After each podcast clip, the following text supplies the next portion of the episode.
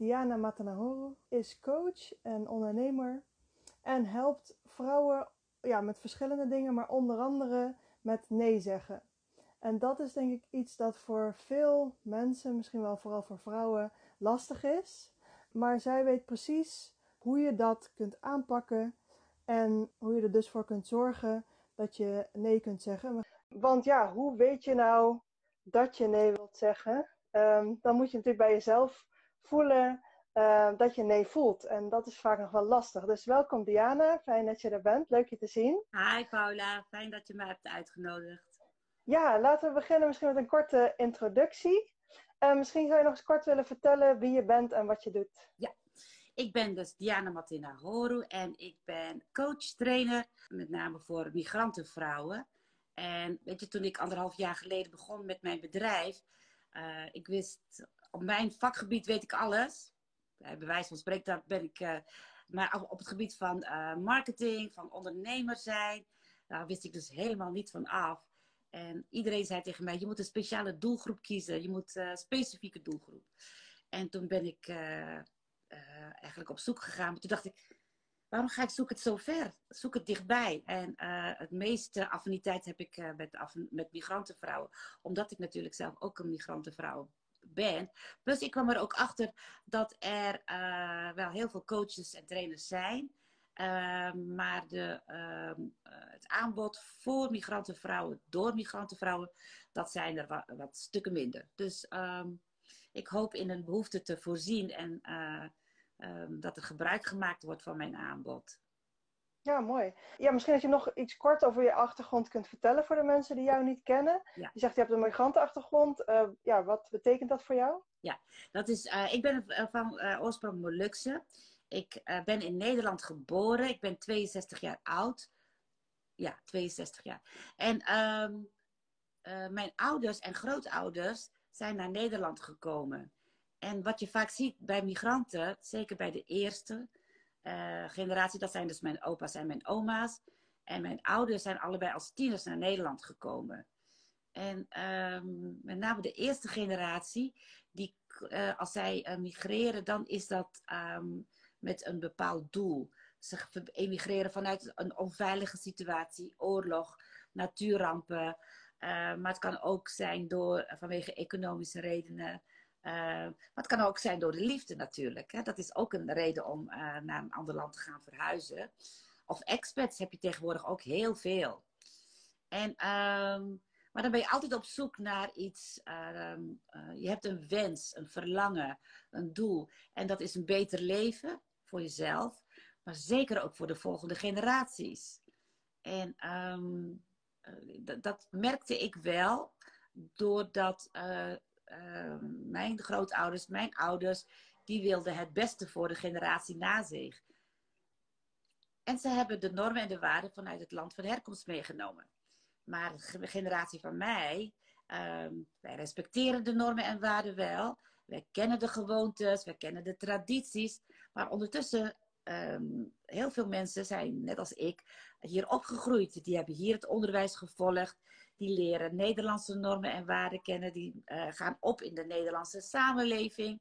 En dan kan het wel zijn dat je um, um, eigenlijk een beetje in, in botsing komt met je eigen normen en waarden, met je eigen familietradities.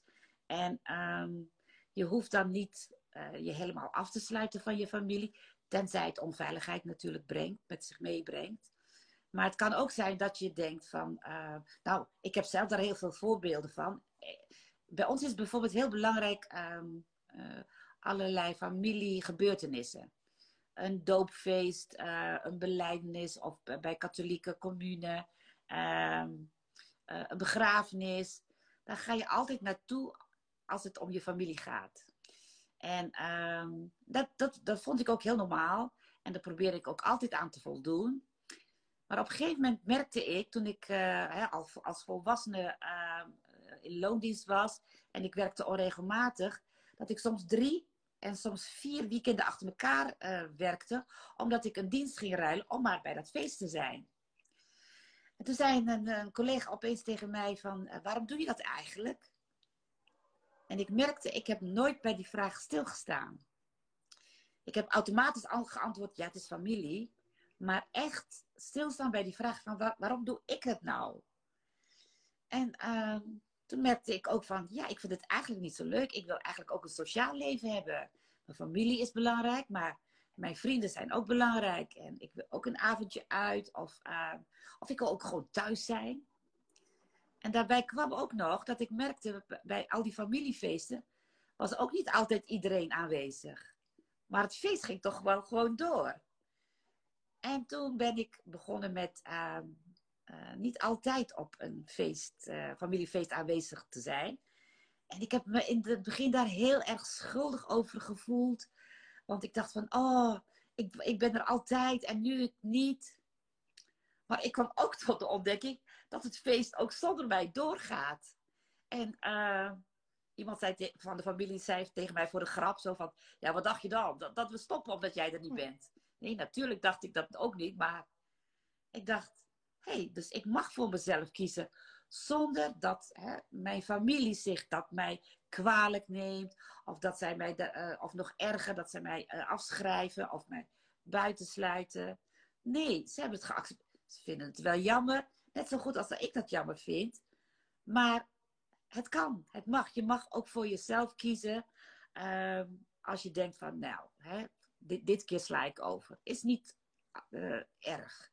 En, um, want ik merkte van, oh ja, vier weekenden achter elkaar werken en, door de week ook nog een paar uh, diensten draaien. Hè, dat, dat ga je merken aan je lichaam. Ik werd moe. Ik werd moe. En uh, vrijdag had ik vaak dat feestje, of zaterdagavond. En zondag uh, ging ik toch wel weer werken, want ja, dan had ik toch wel weer dienst. Dan dacht ik, ja, waar, waar ben ik mee bezig? Waar ben ik mee bezig? En het was goed dat mijn collega destijds die vraag stelde.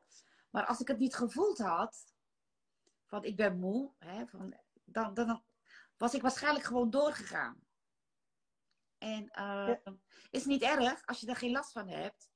Maar ik denk dat we vaak signalen krijgen, um, maar dat we daar niet altijd uh, gehoor aan geven, omdat je dat niet gewend bent. Of omdat je, uh, hè, wat ik dan ook vaak deed, van ik moet bij dat feest zijn. Dan ga je het beredeneren. Ja, mooi. Mooi hoe je die hele reis ook beschrijft en ook al jouw uh, ja, keerpunten en, en, en denkproces daarin. Ja. En ik ben eigenlijk ook wel benieuwd, um, want je zegt van eigenlijk was die, die collega die die vraag stelde, was eigenlijk de eerste keer dat je daar uh, zelf over nadacht. Um, en je hebt al een beetje benoemd van wat voor, ja, wat eigenlijk in je hoofd omging impliciet, van waarom je eigenlijk bij dat feest aanwezig wilde zijn of dacht dat je daar moest zijn. Ja. Maar zou je daar nog iets meer over kunnen vertellen? Wat voor soort, wat zat daarachter? Was het puur dat je, het een gewoonte was? Of ja, had je echt het gevoel van het is mijn plicht eh, om daarbij te zijn? Of dacht je ook van, uh, ja, ik, ik, ja, wat je zegt, het gaat niet door zonder mij? Of wat, wat zat daar precies achter? Ja. Nou, weet je, de meeste migranten die komen uit de wijkcultuur. En dat betekent dat je alles samen doet. Dat je, uh, en zo ben ik ook opgevoed. Ik, ben, ik woon uh, uh, en ben opgegroeid in een Molukse wijk. Ik ben na een paar keer ergens anders gewoond te hebben, weer in de Molukse wijk gaan wonen. En daar deed je alles met elkaar ik, ik, bijvoorbeeld een, bruiloft van iemand hier uit de wijk. En dan ging, daar kwamen duizenden gasten. En dan ging zo'n hele wijk, die hielp dan mee. Op, op, op de dag zelf. Of uh, de moeders waren al weken van tevoren al bezig met het eten klaarmaken. de mannen gingen al voorbereidingen treffen door dingen te gaan huren. En op de dag zelf, als jong meisje van uh, 15, 16 jaar, ging ik helpen in de bediening. En dat was ook leuk. Want dan ging je, dat, dat, dat deed je samen. Dat, uh, dat, dat schept verbondenheid en saamhorigheid.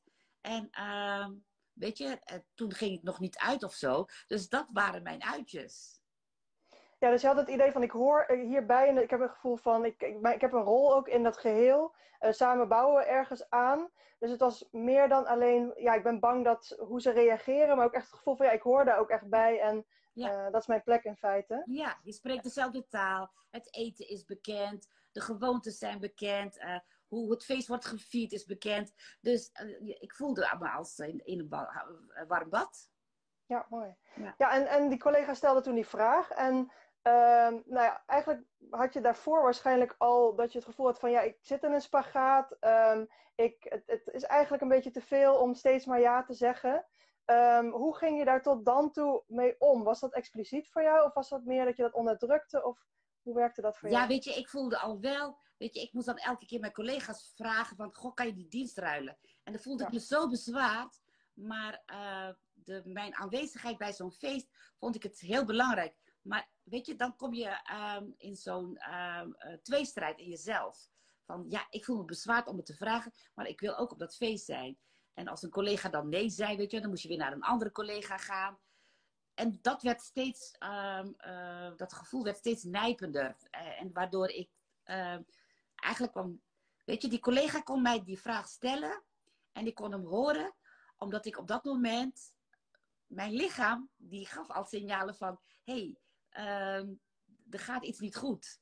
Hè? Ja. Ik, ik, ik had een schaamtegevoel van uh, ik moet het gaan vragen. Ik voelde me weer schuldig dat ik er weer, weer moest gaan vragen. Ik was boos als een collega nee zei. Uh, ik, ik, ik, uh, als de familie zei van, goh, je bent er toch? Zeg ik, ja, natuurlijk. Weet je, dan ging ik een antwoord geven waar ik nog niet echt helemaal zeker van wist dat ik er zou zijn. Dus er was intern gebeurde er van alles met mij. Maar... Ja, en tot dan toe luister je daar eigenlijk niet naar, dat, dat onderdrukte je of dat uh, negeerde je? Of... Ja. Ja, ja. ja ik de onderdrukte het. Nee, de, de, het aanwe de aanwezigheid was veel belangrijker en daar ging, daar ging alles voor. En het moment dat mijn collega dat vroeg, uh, kon ik het horen. Want het was al, ik had het al te veel opgestapeld. Was dat niet zo geweest, dan uh, uh, had ik haar waarschijnlijk een antwoord gegeven uh, uit automatisme en was ik er gewoon mee doorgegaan. Dan was de druppel nog, de bekende druppel was er dan toch nog niet. Ja, mooi. En um, was het voor jou daarna gelijk makkelijk om, om je grenzen ook aan te geven? Dan ook te zeggen van, hé, hey, het is te veel? Nee. Oh nee, ook dat is weer een proces. Ook ja. dat proces van nee zeggen tegen mijn familie. Uh, dat, dat gaat dan eerst. En toen ik merkte van, oh, hè, niemand is boos, niemand uh, schrijft mij af. Oké, okay, weet je dat. Maar het volgende, de volgende feest zit alweer aan te komen. En dan weet je, oh, dan moet ik dan weer nee zeggen. Weet je, en dat is een proces. Maar ook de andere kant, naar mijn collega's toe.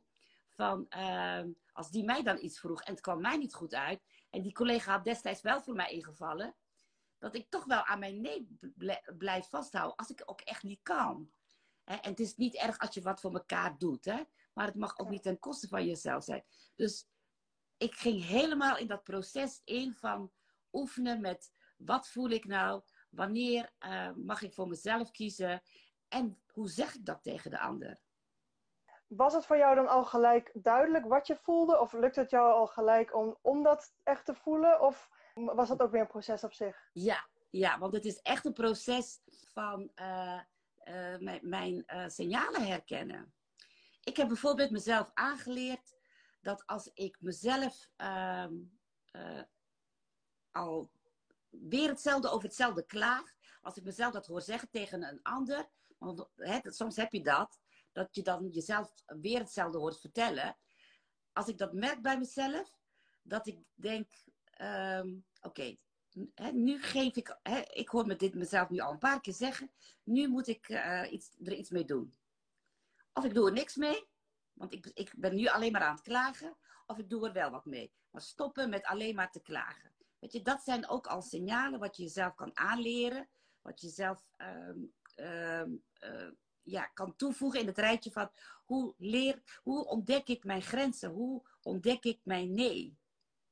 Mooi. En voelde je dan ook andere dingen uh, als je nee moest zeggen tegen jouw familie of nee moest zeggen tegen je collega's? Want je, je zegt al bij allebei, ja, voelde je af en toe ja, vervelend om dat te moeten zeggen. En uh, was er ook een verschil in voor jou?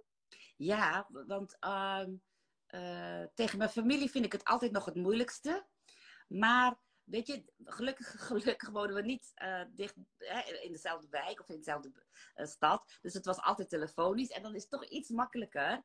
Maar als het uh, tegen mijn collega moet je dat face-to-face. Ja, ja. En uh, die ziet ook mijn lichaamstaal. En uh, ja, dat is ook. En dan moet ik, of tenminste, moet, ik wil dan uitgaan wat ik in mijn buik voel. Ja. En het is nog een proces geweest om wat ik in mijn buik voel als mijn collega naar me toe komt en eh, ik weet bijvoorbeeld al van, oh, die komt vragen of zijn dienst wil rijden, want dat had ik dan weer van een andere collega gehoord, want daar was hij ook al geweest.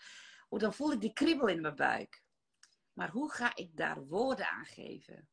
En op zo'n manier dat ik wel mijn nee mag zeggen, want ik voel hem al in mijn buik, maar dat ik ook met respect voor die ander ehm, en respect voor mijn eigen grenzen tegen die andere op een respectvolle manier kan zeggen van sorry, uh, ik doe het niet wat je me vraagt. Ja, mooi. En na afloop, uh, dan had je dus, laten we zeggen dat het dan die keer gelukt was om nee te zeggen. Um, voelde je dan gelijk opgelucht of bleef je toch nog met dat gevoel zitten van, oh nee, ik heb nu um, ja, tegen iemand nee moeten zeggen. Tegen, ja, dat had ik eigenlijk liever niet gewild, maar nou ja, nee, nu, bijna. Nee, ik heb ook gemerkt van de eerste keren, een paar keren, van, hè, want ik vind het ook altijd jammer als, dat ik nee tegen iemand moet zeggen. Ja. Maar uh, ik heb mezelf op de, op, op de eerste plaats gezet. Want als ik goed voor mezelf kan zorgen, kan ik goed voor de ander zorgen. Uh, maar de eerste paar keren heb ik me daar toch wel schuldig over gevoeld. Maar toen dat eenmaal weg was en toen ik uh, in alle oprechtheid nee kon zeggen, zonder daar me schuldig over te voelen, voelde het goed. En ehm, het mooie ervan is, de ander voelt dat ook. Want als ik mm. tegen iemand met schuldgevoel uh, nee zeg, uh, en die andere voelt dat, die gaat proberen. Die gaat mm, proberen over te halen. Want dat voel, je voelt als iemand een, een, een, uh, een nee zegt tegen jou en je voelt van nog wel ruimte om misschien wat door te vragen of nog, nog verder uit te leggen, dan hè, gaat die misschien uit schuldgevoel wel ja zeggen. Maar als iemand, als jij tegen iemand kan zeggen zonder schuldgevoel, zonder schaamtegevoel uh, en met respect, dan zal dat, die ander dat ook accepteren van je. Die zal dat voelen van, nee, die persoon, Diana kan echt niet. Ja, mooi. Want eigenlijk beschrijf je nu verschillende situaties of verschillende uh, momenten waarop je dan naar jezelf luistert en jezelf, ook je gevoel beschrijft. Dus voor het moment dat je, ja, je voelt al dat je nee wil zeggen, Um, maar um, ja, je moet er nog woorden aan geven. Dan op het moment dat je nee zegt zelf. En dat je dus eigenlijk ook zegt, van daar heb je ook een, een, reis in doorgemaakt. Dat je dat dus op het moment zelf al zonder schuldgevoel kan doen. En dan na afloop, want het kan natuurlijk zijn dat op het moment zelf dat je, dat je nog wel het durft en dat het nog wel goed ging. Maar dat je misschien na afloop daar nog twijfels over had van, oh heb ik nu wel het goede gedaan? Of, uh, ja. En dus eigenlijk zijn er dan drie momenten waarop je dan naar je gevoel luisterde. Ja. En drie momenten waarop je dus ook gegroeid bent daarin. Dat je er steeds beter naar leert luisteren. En dan uh, vervolgens ook de keuze maken, wat is voor mij nou op dit moment het beste? Ja. Uh, en niet alleen maar naar de ander kijken en misschien dat wel meenemen. Dan kan ik me wel voorstellen dat je dat wel blijft doen. Van, uh, oké, nou in deze situatie, ik wil het eigenlijk liever niet, maar oké, okay, vooruit, voor deze keer doe ik het toch. Um, en heb je dat nog steeds zo? Of hoe, hoe ervaar je dat nu op dit moment? ja, ik kan nu met een gerust gevoel, als ik echt voel van nee, ik kan niet, ik kan het met een gerust gevoel zeggen. Ik kan het steeds beter zeggen. En uh, ik ben onlangs ook wel weer in een ander proces terechtgekomen van nee zeggen, wanneer de ander tegen mij nee zegt. Want, oh, ja. want dat kom, kom, kom je er ook tegen, hè? dat wanneer de ander tegen mij nee zegt, dat, daar moet ik ook op een bepaalde manier mee omgaan. Ja. Daar moet ik ook respectvol mee omgaan. En dat vind ik ook niet altijd makkelijk. Ik denk ook wel van, hé, waarom niet? Waarom kan je dat niet doen? Of uh, je snapt toch wel dat, hè? Maar uh, ja, net zo goed als dat ik nee mag zeggen, mag die ander dat ook. En uh, ik hoef niet te. te uh, ik wil altijd graag dat um, mensen mij begrijpen. Of ik wil die ander begrijpen. Maar er zijn ook zat mensen die gewoon nee zeggen. Zonder dat ze daar tekst en uitleg bij willen geven. En ja. dat vind ik soms wel eens frustrerend. Ja, en zou je dat zelf ook willen? Dat je op zo'n makkelijke manier bijna nee zou willen zeggen? Of zeg je dat dat staat zo ver van mij af dat dat begrijp ik ook bijna niet. Hoe, waar, hoe iemand zo kan zijn of hoe iemand zo kan reageren. Nou, weet je, als ik het echt niet begrijp, maar die iemand zegt nee. Ik heb ondertussen wel geleerd van dat ik dat diner moet accepteren. Ook al begrijp ik er de ballen niet van. Ja. Ja. Ja, en is er voor jou nogal een verschil uh, nee zeggen tegen, ja, in de situaties, eigenlijk die privé situaties die je nu beschrijft. En dan, nou ja, als ondernemer, nou, dan ben je natuurlijk geen werknemer meer. Ben je meer verantwoordelijk voor je eigen uh, bedrijf en voor je eigen leven. Um, zie je daar nog verschil in? Dat je misschien nu vaker nee durft te zeggen of mag zeggen? Of uh, hoe, hoe werkt dat nu? Nou, voor mezelf als ondernemer, hè, mijn eigen agenda bepalen, dat, dat, dat is fantastisch. Maar ja. het betekent ook wel dat jij goed moet kijken van, hé, hey, eh, wanneer ga je dan plannen? Wanneer uh, ga jij tijd maken voor jezelf? Wanneer is het tijd voor je business? Wanneer is tijd voor jezelf? Wanneer is tijd voor andere dingen? En dan heb ik het, zeker het eerste jaar, heb ik daar heel erg naar moeten zoeken. En in het begin wilde ik alles doen. En, oh ja, en dan zat ik tot s'avonds laat nog op mijn social media. En nu wil ik dat wat meer um, met liefde voor mezelf wil ik dat doen. Ja, en is het dan vooral, wat je nu beschrijft, vooral gaat het over nee zeggen tegen anderen? Dus bijvoorbeeld nee zeggen tegen klanten of ook nee zeggen tegen jezelf soms? Van hé, hey, nee, nu mag ik voor mezelf kiezen en niet bedrijf in mijn hoofd houden? Ja, nou, met name afspraken maken met mensen. Ja. Ja, daar ga ik, uh, uh, daar kijk ik meer in mijn agenda van. Ik ga uit van één activiteit per dag is eigenlijk genoeg. En dat kan een afspraak zijn, dat kan zo'n gesprek met jou zijn. Uh, ik heb eigenlijk hierna nog een meeting, maar ik ga die niet doen. Ik ben moe en dit is het vandaag en ik heb vanochtend gewerkt. En nee, ik, ik, dat doe ik niet. Hoe, leuk ik het ook zal vinden, maar ik denk nee, één activiteit per dag. Ja, mooi. En heeft dat voor jouw gevoel, het is natuurlijk het kunnen voelen, dat het nee is, maar ook misschien een stukje uh, zelfliefde daaromheen. Dat je ook voor jezelf mag kiezen en dat je voor jezelf, uh, dat je jezelf belangrijk genoeg vindt. Um, is dat voor jou ook dat je uh, naarmate je misschien nog meer zelfliefde voelde, of ja, ik weet natuurlijk überhaupt niet hoe dat ooit bij jou was, maar dat het ook makkelijker was om, om nee te voelen en nee te zeggen? Mijn, mijn grootste voorbeeld is mijn moeder. En mijn moeder heeft het soms tot ergernis toen als kind, die heeft vaak genoeg nee gezegd. En als kind vond ik dat afschuwelijk als, ik dan, als zij dan nee zegt. Hè? En uh, als jongvolwassene ook. En nu is mijn moeder 85. En ik, ben, ik zorg voor haar. Ik ben bij haar gaan wonen. Omdat zij aan dementie lijdt. En nog zegt ze steeds. Zorg goed voor jezelf, hè? Want dan kan je ook goed voor mij zorgen. En dat is zo klaar als een klontje. Want als ik niet goed voor mezelf zorg, kan ik ook niet voor haar zorgen. Mooi, ja, ja, ja.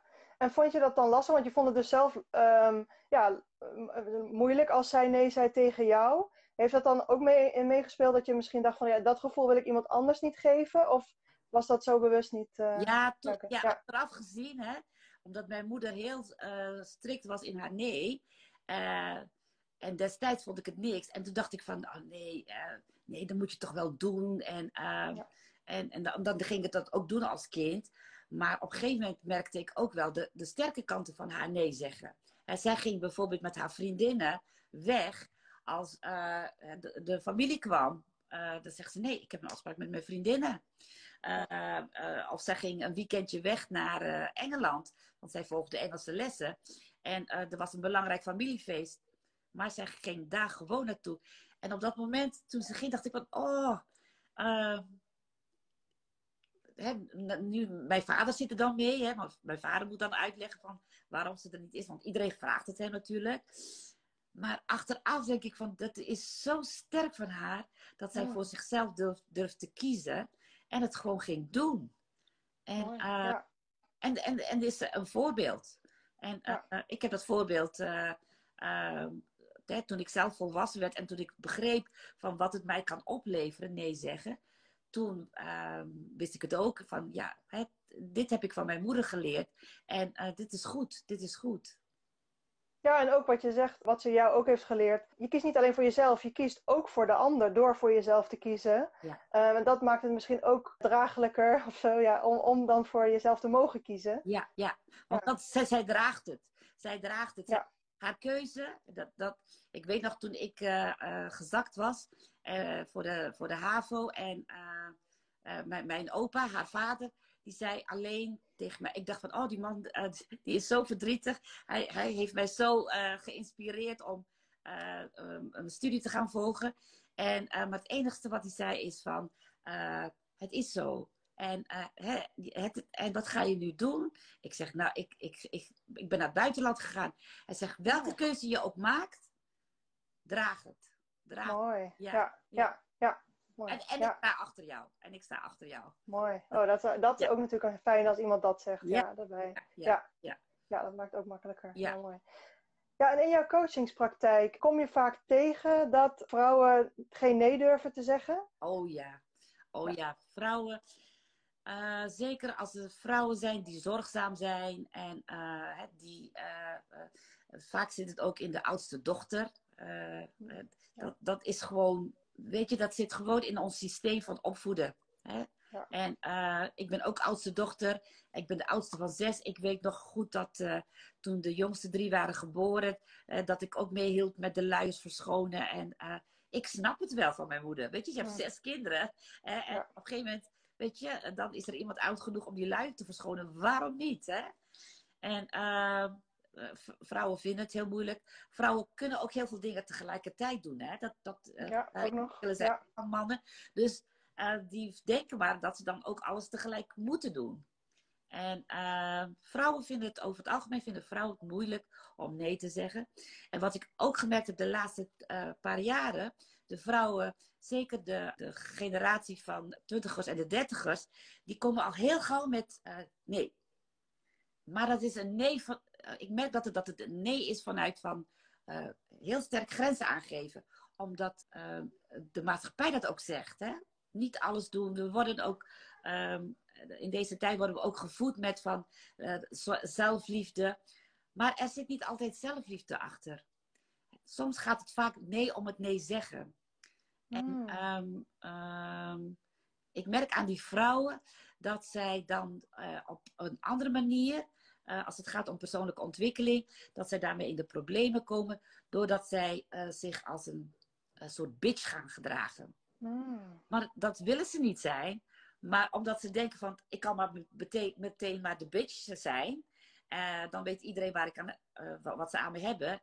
Maar uh, uiteindelijk gaat dat ook niet voor je werken, omdat het niet vanuit jezelf komt. Ja, dus een soort idee van: oké, ik ga maar gelijk mijn, uh, ja, mijn grond claimen, zeg maar, soort van. Ja. Dat dit zijn mijn grenzen en dan kan ik iemand eventueel nog wel binnenlaten, maar dan heb ik in ieder geval, zijn ze niet te dichtbij gekomen. Ja. Terwijl iemand die dat minder heeft, die zou iemand veel te dichtbij laten komen en veel te ver over de grenzen heen laten gaan. En dan is het natuurlijk veel moeilijker om weer een stukje ja, een stukje grond te claimen, wat dat betreft weer terug te claimen. Ja. Dat is gelijk al strijd waarschijnlijk dan. Ja. Um, dat vond ik ook wel een mooie ontdekking van uh, dat er, hè, want ik ben nu 60 en uh, dat uh, een, paar generaties verder, dat er vrouwen zijn die al zo heel sterk nee, maar dat er een andere, ja, wat jij zegt, onder de grond daaronder onder zit. en dat het niet gebaseerd is op, is op persoonlijke ontwikkeling. Ja, ja, mooi. Een soort bijna een soort uh, af, afweermechanisme. Ja. Of hoe zeg je dat? Een soort beschermingsmechanisme. Ja, ja. ja, ja. Uh, een slippenwijd is op haar toekomst voorbereid. Hè? Weet je wel? Ja, precies. Alles inzet. Op, hè? En, maar dat komt niet van, vanuit jezelf. En dat kan je soms wel heel lang volhouden hoor. Er zijn ook mensen die daar heel lang mee door kunnen gaan. En als je daar verder geen last van hebt, doe het. Maar weet ook wel dat het, het kan je ook wel in de problemen brengen. Want er is altijd iemand sterker. Er is altijd iemand sterker dan jou. Ja, ja, ja, mooi. En um, merk je dan ook vaak, want eigenlijk dus begint het ermee dat je dan nee zou moeten voelen. Um, en daar kan het, ja, dat kan dan een uitdaging zijn. Uh, merk je dat in jouw praktijk ook? Dat mensen over hun grenzen heen laten gaan omdat ze nog niet voelen dat, ze over, dat, dat het gebeurt? Ja, ik had laatst een gesprek met iemand en zij uh, heeft een hart van goud. En uh, ik zeg wel eens tegen haar: um, Goh, hè, voor anderen heb je een hart van goud. Ik zou willen dat jij een stukje goud dat ook uh, voor jezelf, aan jezelf kan geven. Ja, maar ik vind het leuk. Ik vind het leuk om mensen te mm. helpen. En uh, niemand helpt die man. Dus ja, wie moet het dan anders doen? En op een gegeven moment hoor ik haar steeds um, last hebben van dat zij het altijd doet. En ehm, toen zeg ik, ja, wat heb je dan nodig? Ja, eigenlijk, zegt ze, uh, ik wil wel voor hem blijven zorgen, maar uh, ik moet wel een aantal dingen laten. En uh, in mijn ogen denk ik van, goh, hè, stop maar met die zorg voor die man, want uh, hij is niet aardig, hij, hij, mm. hij, hij is soms grof naar haar. Mm. maar zij zegt, het komt door zijn ziekte. En uh, dat is heel logisch. En uh, ze zegt, maar, want anders zorgt er niemand voor hem. Ze, en toen vroeg ik haar van, is het voor jou nog te doen? Hè? Waar haal jij je kracht uit? Ja. En toen zegt ze van, ik haal het uit de momenten dat hij nog geniet van dingen. Dat we samen kunnen lachen. Ik zeg, oké, dan is dat jouw kracht. En ehm, ehm, ja, dat andere is niet zo belangrijk voor haar. En uh, ik vind dat wel heel belangrijk. Maar als zij dat niet belangrijk vindt... Uh, en zij haalt van andere momenten haalt zij daar uh, energie uit, plezier uit in haar werk, dan moet je dat gewoon doen. Want niet ieder mens is hetzelfde. Ja. Dus toch een soort plicht, loyaliteit, um, zo is het gevoel. En minder, ja, dat, eigenlijk dat gevoel zit daar dan, je, moet je wel wegdrukken, want anders dan, um, ja, dan merk je de hele tijd dat onaardige gevoel of dat onaardige gedrag, dat ja. Moet wel een negatief gevoel bijna bij je opwekken. Ja. Tenzij je dat dus helemaal wegdrukt en uh, denkt, ja, met, eigenlijk overschakelt naar je hoofd van ja, dit is nu wat het beste om te doen op dit moment. Hier geloof ik in, dit is belangrijk voor mij. Ja. En dus ja, je gevoel dan in feite uitschakelt. Ja, ja dus die schakelt zij uit en zij heeft er verder geen last van. En uh, dat kan ook. Dat kan ook. Ja. En als, als, als je daarmee toch uh, je werk mee kan doen, dat je niet uit balans raakt, dat je geen burn-out op gaat lopen, weet je, dan moet je dat gewoon doen. Maar doordat zij dat wel durfde te benoemen naar mij en dat we het daarover konden hebben, kon ik bij haar onderzoeken van waar ligt bij haar een, een nee. En zij heeft een aantal nee's. Hè. Ze zegt van, ik ga bespreken dat er een huishoudelijke hulp komt. Want ik kom niet alleen maar om schoon te maken. Ik zeg, goed zo. Weet je wel? Dat zijn dan kleine dingen. Zij voelt hem wel. En dan kan ze ook concreet maken. En dan gaat ze mee aan de slag. Ja. En dat, dat is wel misschien iemand die bewust uh, heeft gekozen om minder te voelen. Maar het kan natuurlijk ook voorkomen dat je, dat je het dus niet voelt en dat je dus over je grenzen heen gaat en dan in een burn-out of wat dan ook terechtkomt. Ja. Maak je dat ook mee dat iemand dus ja, gewoon uh, niet kan voelen, wel zou willen of moeten voelen? Ja, ja. Weet je, ik heb, ik heb collega's gezien die uh, in een burn-out raakten. Uh, ik, in de zorg voor mijn moeder. Ik heb altijd gezegd, um, ik heb al, toen ik in loondienst was, um, gelukkig heb ik een baan die ik leuk vind. Um, maar het is een onderdeel van mijn uh, leven. Werken is een onderdeel van mijn leven. Maar nu ik voor mijn moeder zorg, dat is ook een onderdeel van mijn leven, merk ik hoe, hè, hoe dicht het bij me staat. Ook dicht bij mijn gevoel. En uh, soms ben ik zo geïrriteerd. Uh, en uh, dacht ik van, oh, zo voelt het dus. Als je, hè, ik heb zelf geen kinderen bijvoorbeeld, maar dat hoor je van veel moeders, dat het hun te veel wordt. Dan denk ik, hè, hoe voelt dat dan? Maar nu weet ik hoe dat voelt. Want dan, hè, mijn moeder kan, zij kan er niks aan doen, maar door haar ziekte kan zij ook het bloed onder mijn nagels vandaan halen. En toen dacht ik, oh, zo voelt het dus. Als ik helemaal geïrriteerd naar haar reageer, als ik uh, schreeuw in plaats van gewoon praat, dat is het dus. Zo uit het zich. Maar ik had het al de hele tijd gevoeld. Maar ik kan er niks aan doen. Want op dat moment ja. zit ik met haar. En, uh, maar ik kan wel, of ik moet eigenlijk wel, dan even pas op de plaats nemen. Ja. Want ja. dat zijn de signalen, de signalen die ik dan voel in mijn lichaam. Ja, die jij nu voelt en waar je dan ook naar durft te luisteren. Soms misschien niet altijd. Uh, misschien kies je er soms ook voor om te zeggen van ja, oké, okay, ik accepteer dat dan nu, dat dat nu uh, zo is. Um, ja, ik denk zelf ook dat, dat. Ik hoor vaak ondernemers zeggen: ik kan niet voelen. Uh, heb je dat ook wel, wel eens gehoord? Of, um... Nou, um, uh, ik heb het nog niet gehoord. Uh, misschien ook omdat ik in een bepaalde hoek zit van, uh, met ja. uh, coaches en zo. Maar ja. ik heb het wel. ik heb collega's gezien toen ik in loondienst was, die absoluut niet voelden, maar toch hun werk konden blijven doen. En maar daar zag je ook echt geen gevoel bij. Mm. En, uh, maar die gingen ook dan niet tot het uiterste. En ik ken mensen die tot het uiterste gaan. En daar heb ik wel eens tegen gezegd van... Goh, ga je, hè, moet je dit nou wel doen? En jawel, want ik ben zo gedreven. En maar dan lopen ze vanzelf wel tegen die grens aan. Ja, ja nee, ik zou me kunnen voorstellen dat mensen die uh, al realiseren dat ze... Uh, dat ze ja, zich niet goed voelen of dat ze hun grenzen niet kunnen aangeven, dat die al die stappen hebben gemaakt naar ik, dat ze het daadwerkelijk voelen. Um, um, maar ik kom dus ook echt daadwerkelijk mensen. Te, ja, ik heb dat zelf, had dat zelf uh, ook wel in, in, het verleden. Ik heb toen uh, jouw workshop gevolgd, ja. nee voelen is nee zeggen.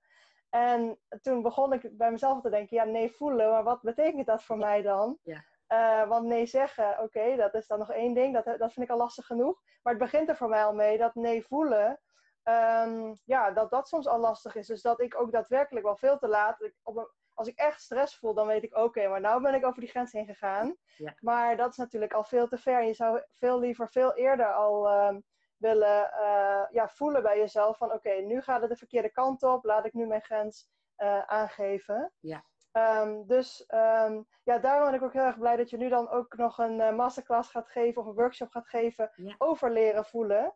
Um, zou je daar iets over uh, kunnen vertellen, wat we daarin uh, gaan doen? Ja, wat, wat we gaan doen is kijken van. Uh, we gaan een oefening doen in van hoe leer, hè, waar, waar zit jouw nee in je lichaam? Daar gaan we dan een oefening doen. Maar ik ga je ook uitleggen van waar komt het vandaan dat wij niet altijd naar ons lichaam luisteren. En dat heeft te maken met, met, met opvoeding. Het heeft te maken met de boodschappen uit, uit, uit het verleden. Het heeft te maken met het heeft ook te maken met gewoon met je baan. Kijk, als je niet, als je in een baan zit uh, waar je gewoon met cijfertjes moet werken, waar je niet al te veel na te denken, wat vind ik hier nou van? Of wat voel ik nou? Ja, logisch dat je dat, dat niet, daar, daar niet mee bezig bent. En dat is niet erg, maar iedereen voelt wel op een gegeven moment wel als het te veel wordt. En ehm, ik ga kijken met, uh, in de workshop kijken van of jij kan ontdekken van uh, in het, eh, misschien is het in het verleden ook al geweest van, oh ja, dat was zo'n moment achteraf gezien van, ja, daar had ik uh, misschien iets moeten doen. Of daar had ik ja. het al wel gedacht, of misschien zelfs gevoeld. Uh, toen had ik het al kunnen omdraaien, of had ik hulp kunnen vragen.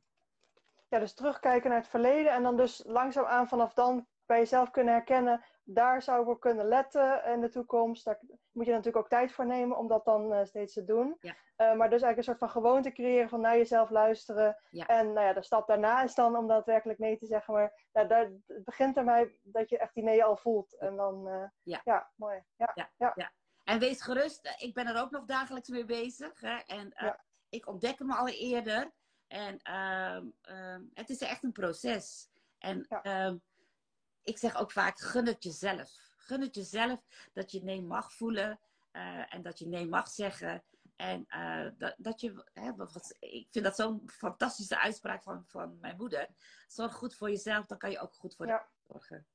Ja, mooi. mooi ja. ja.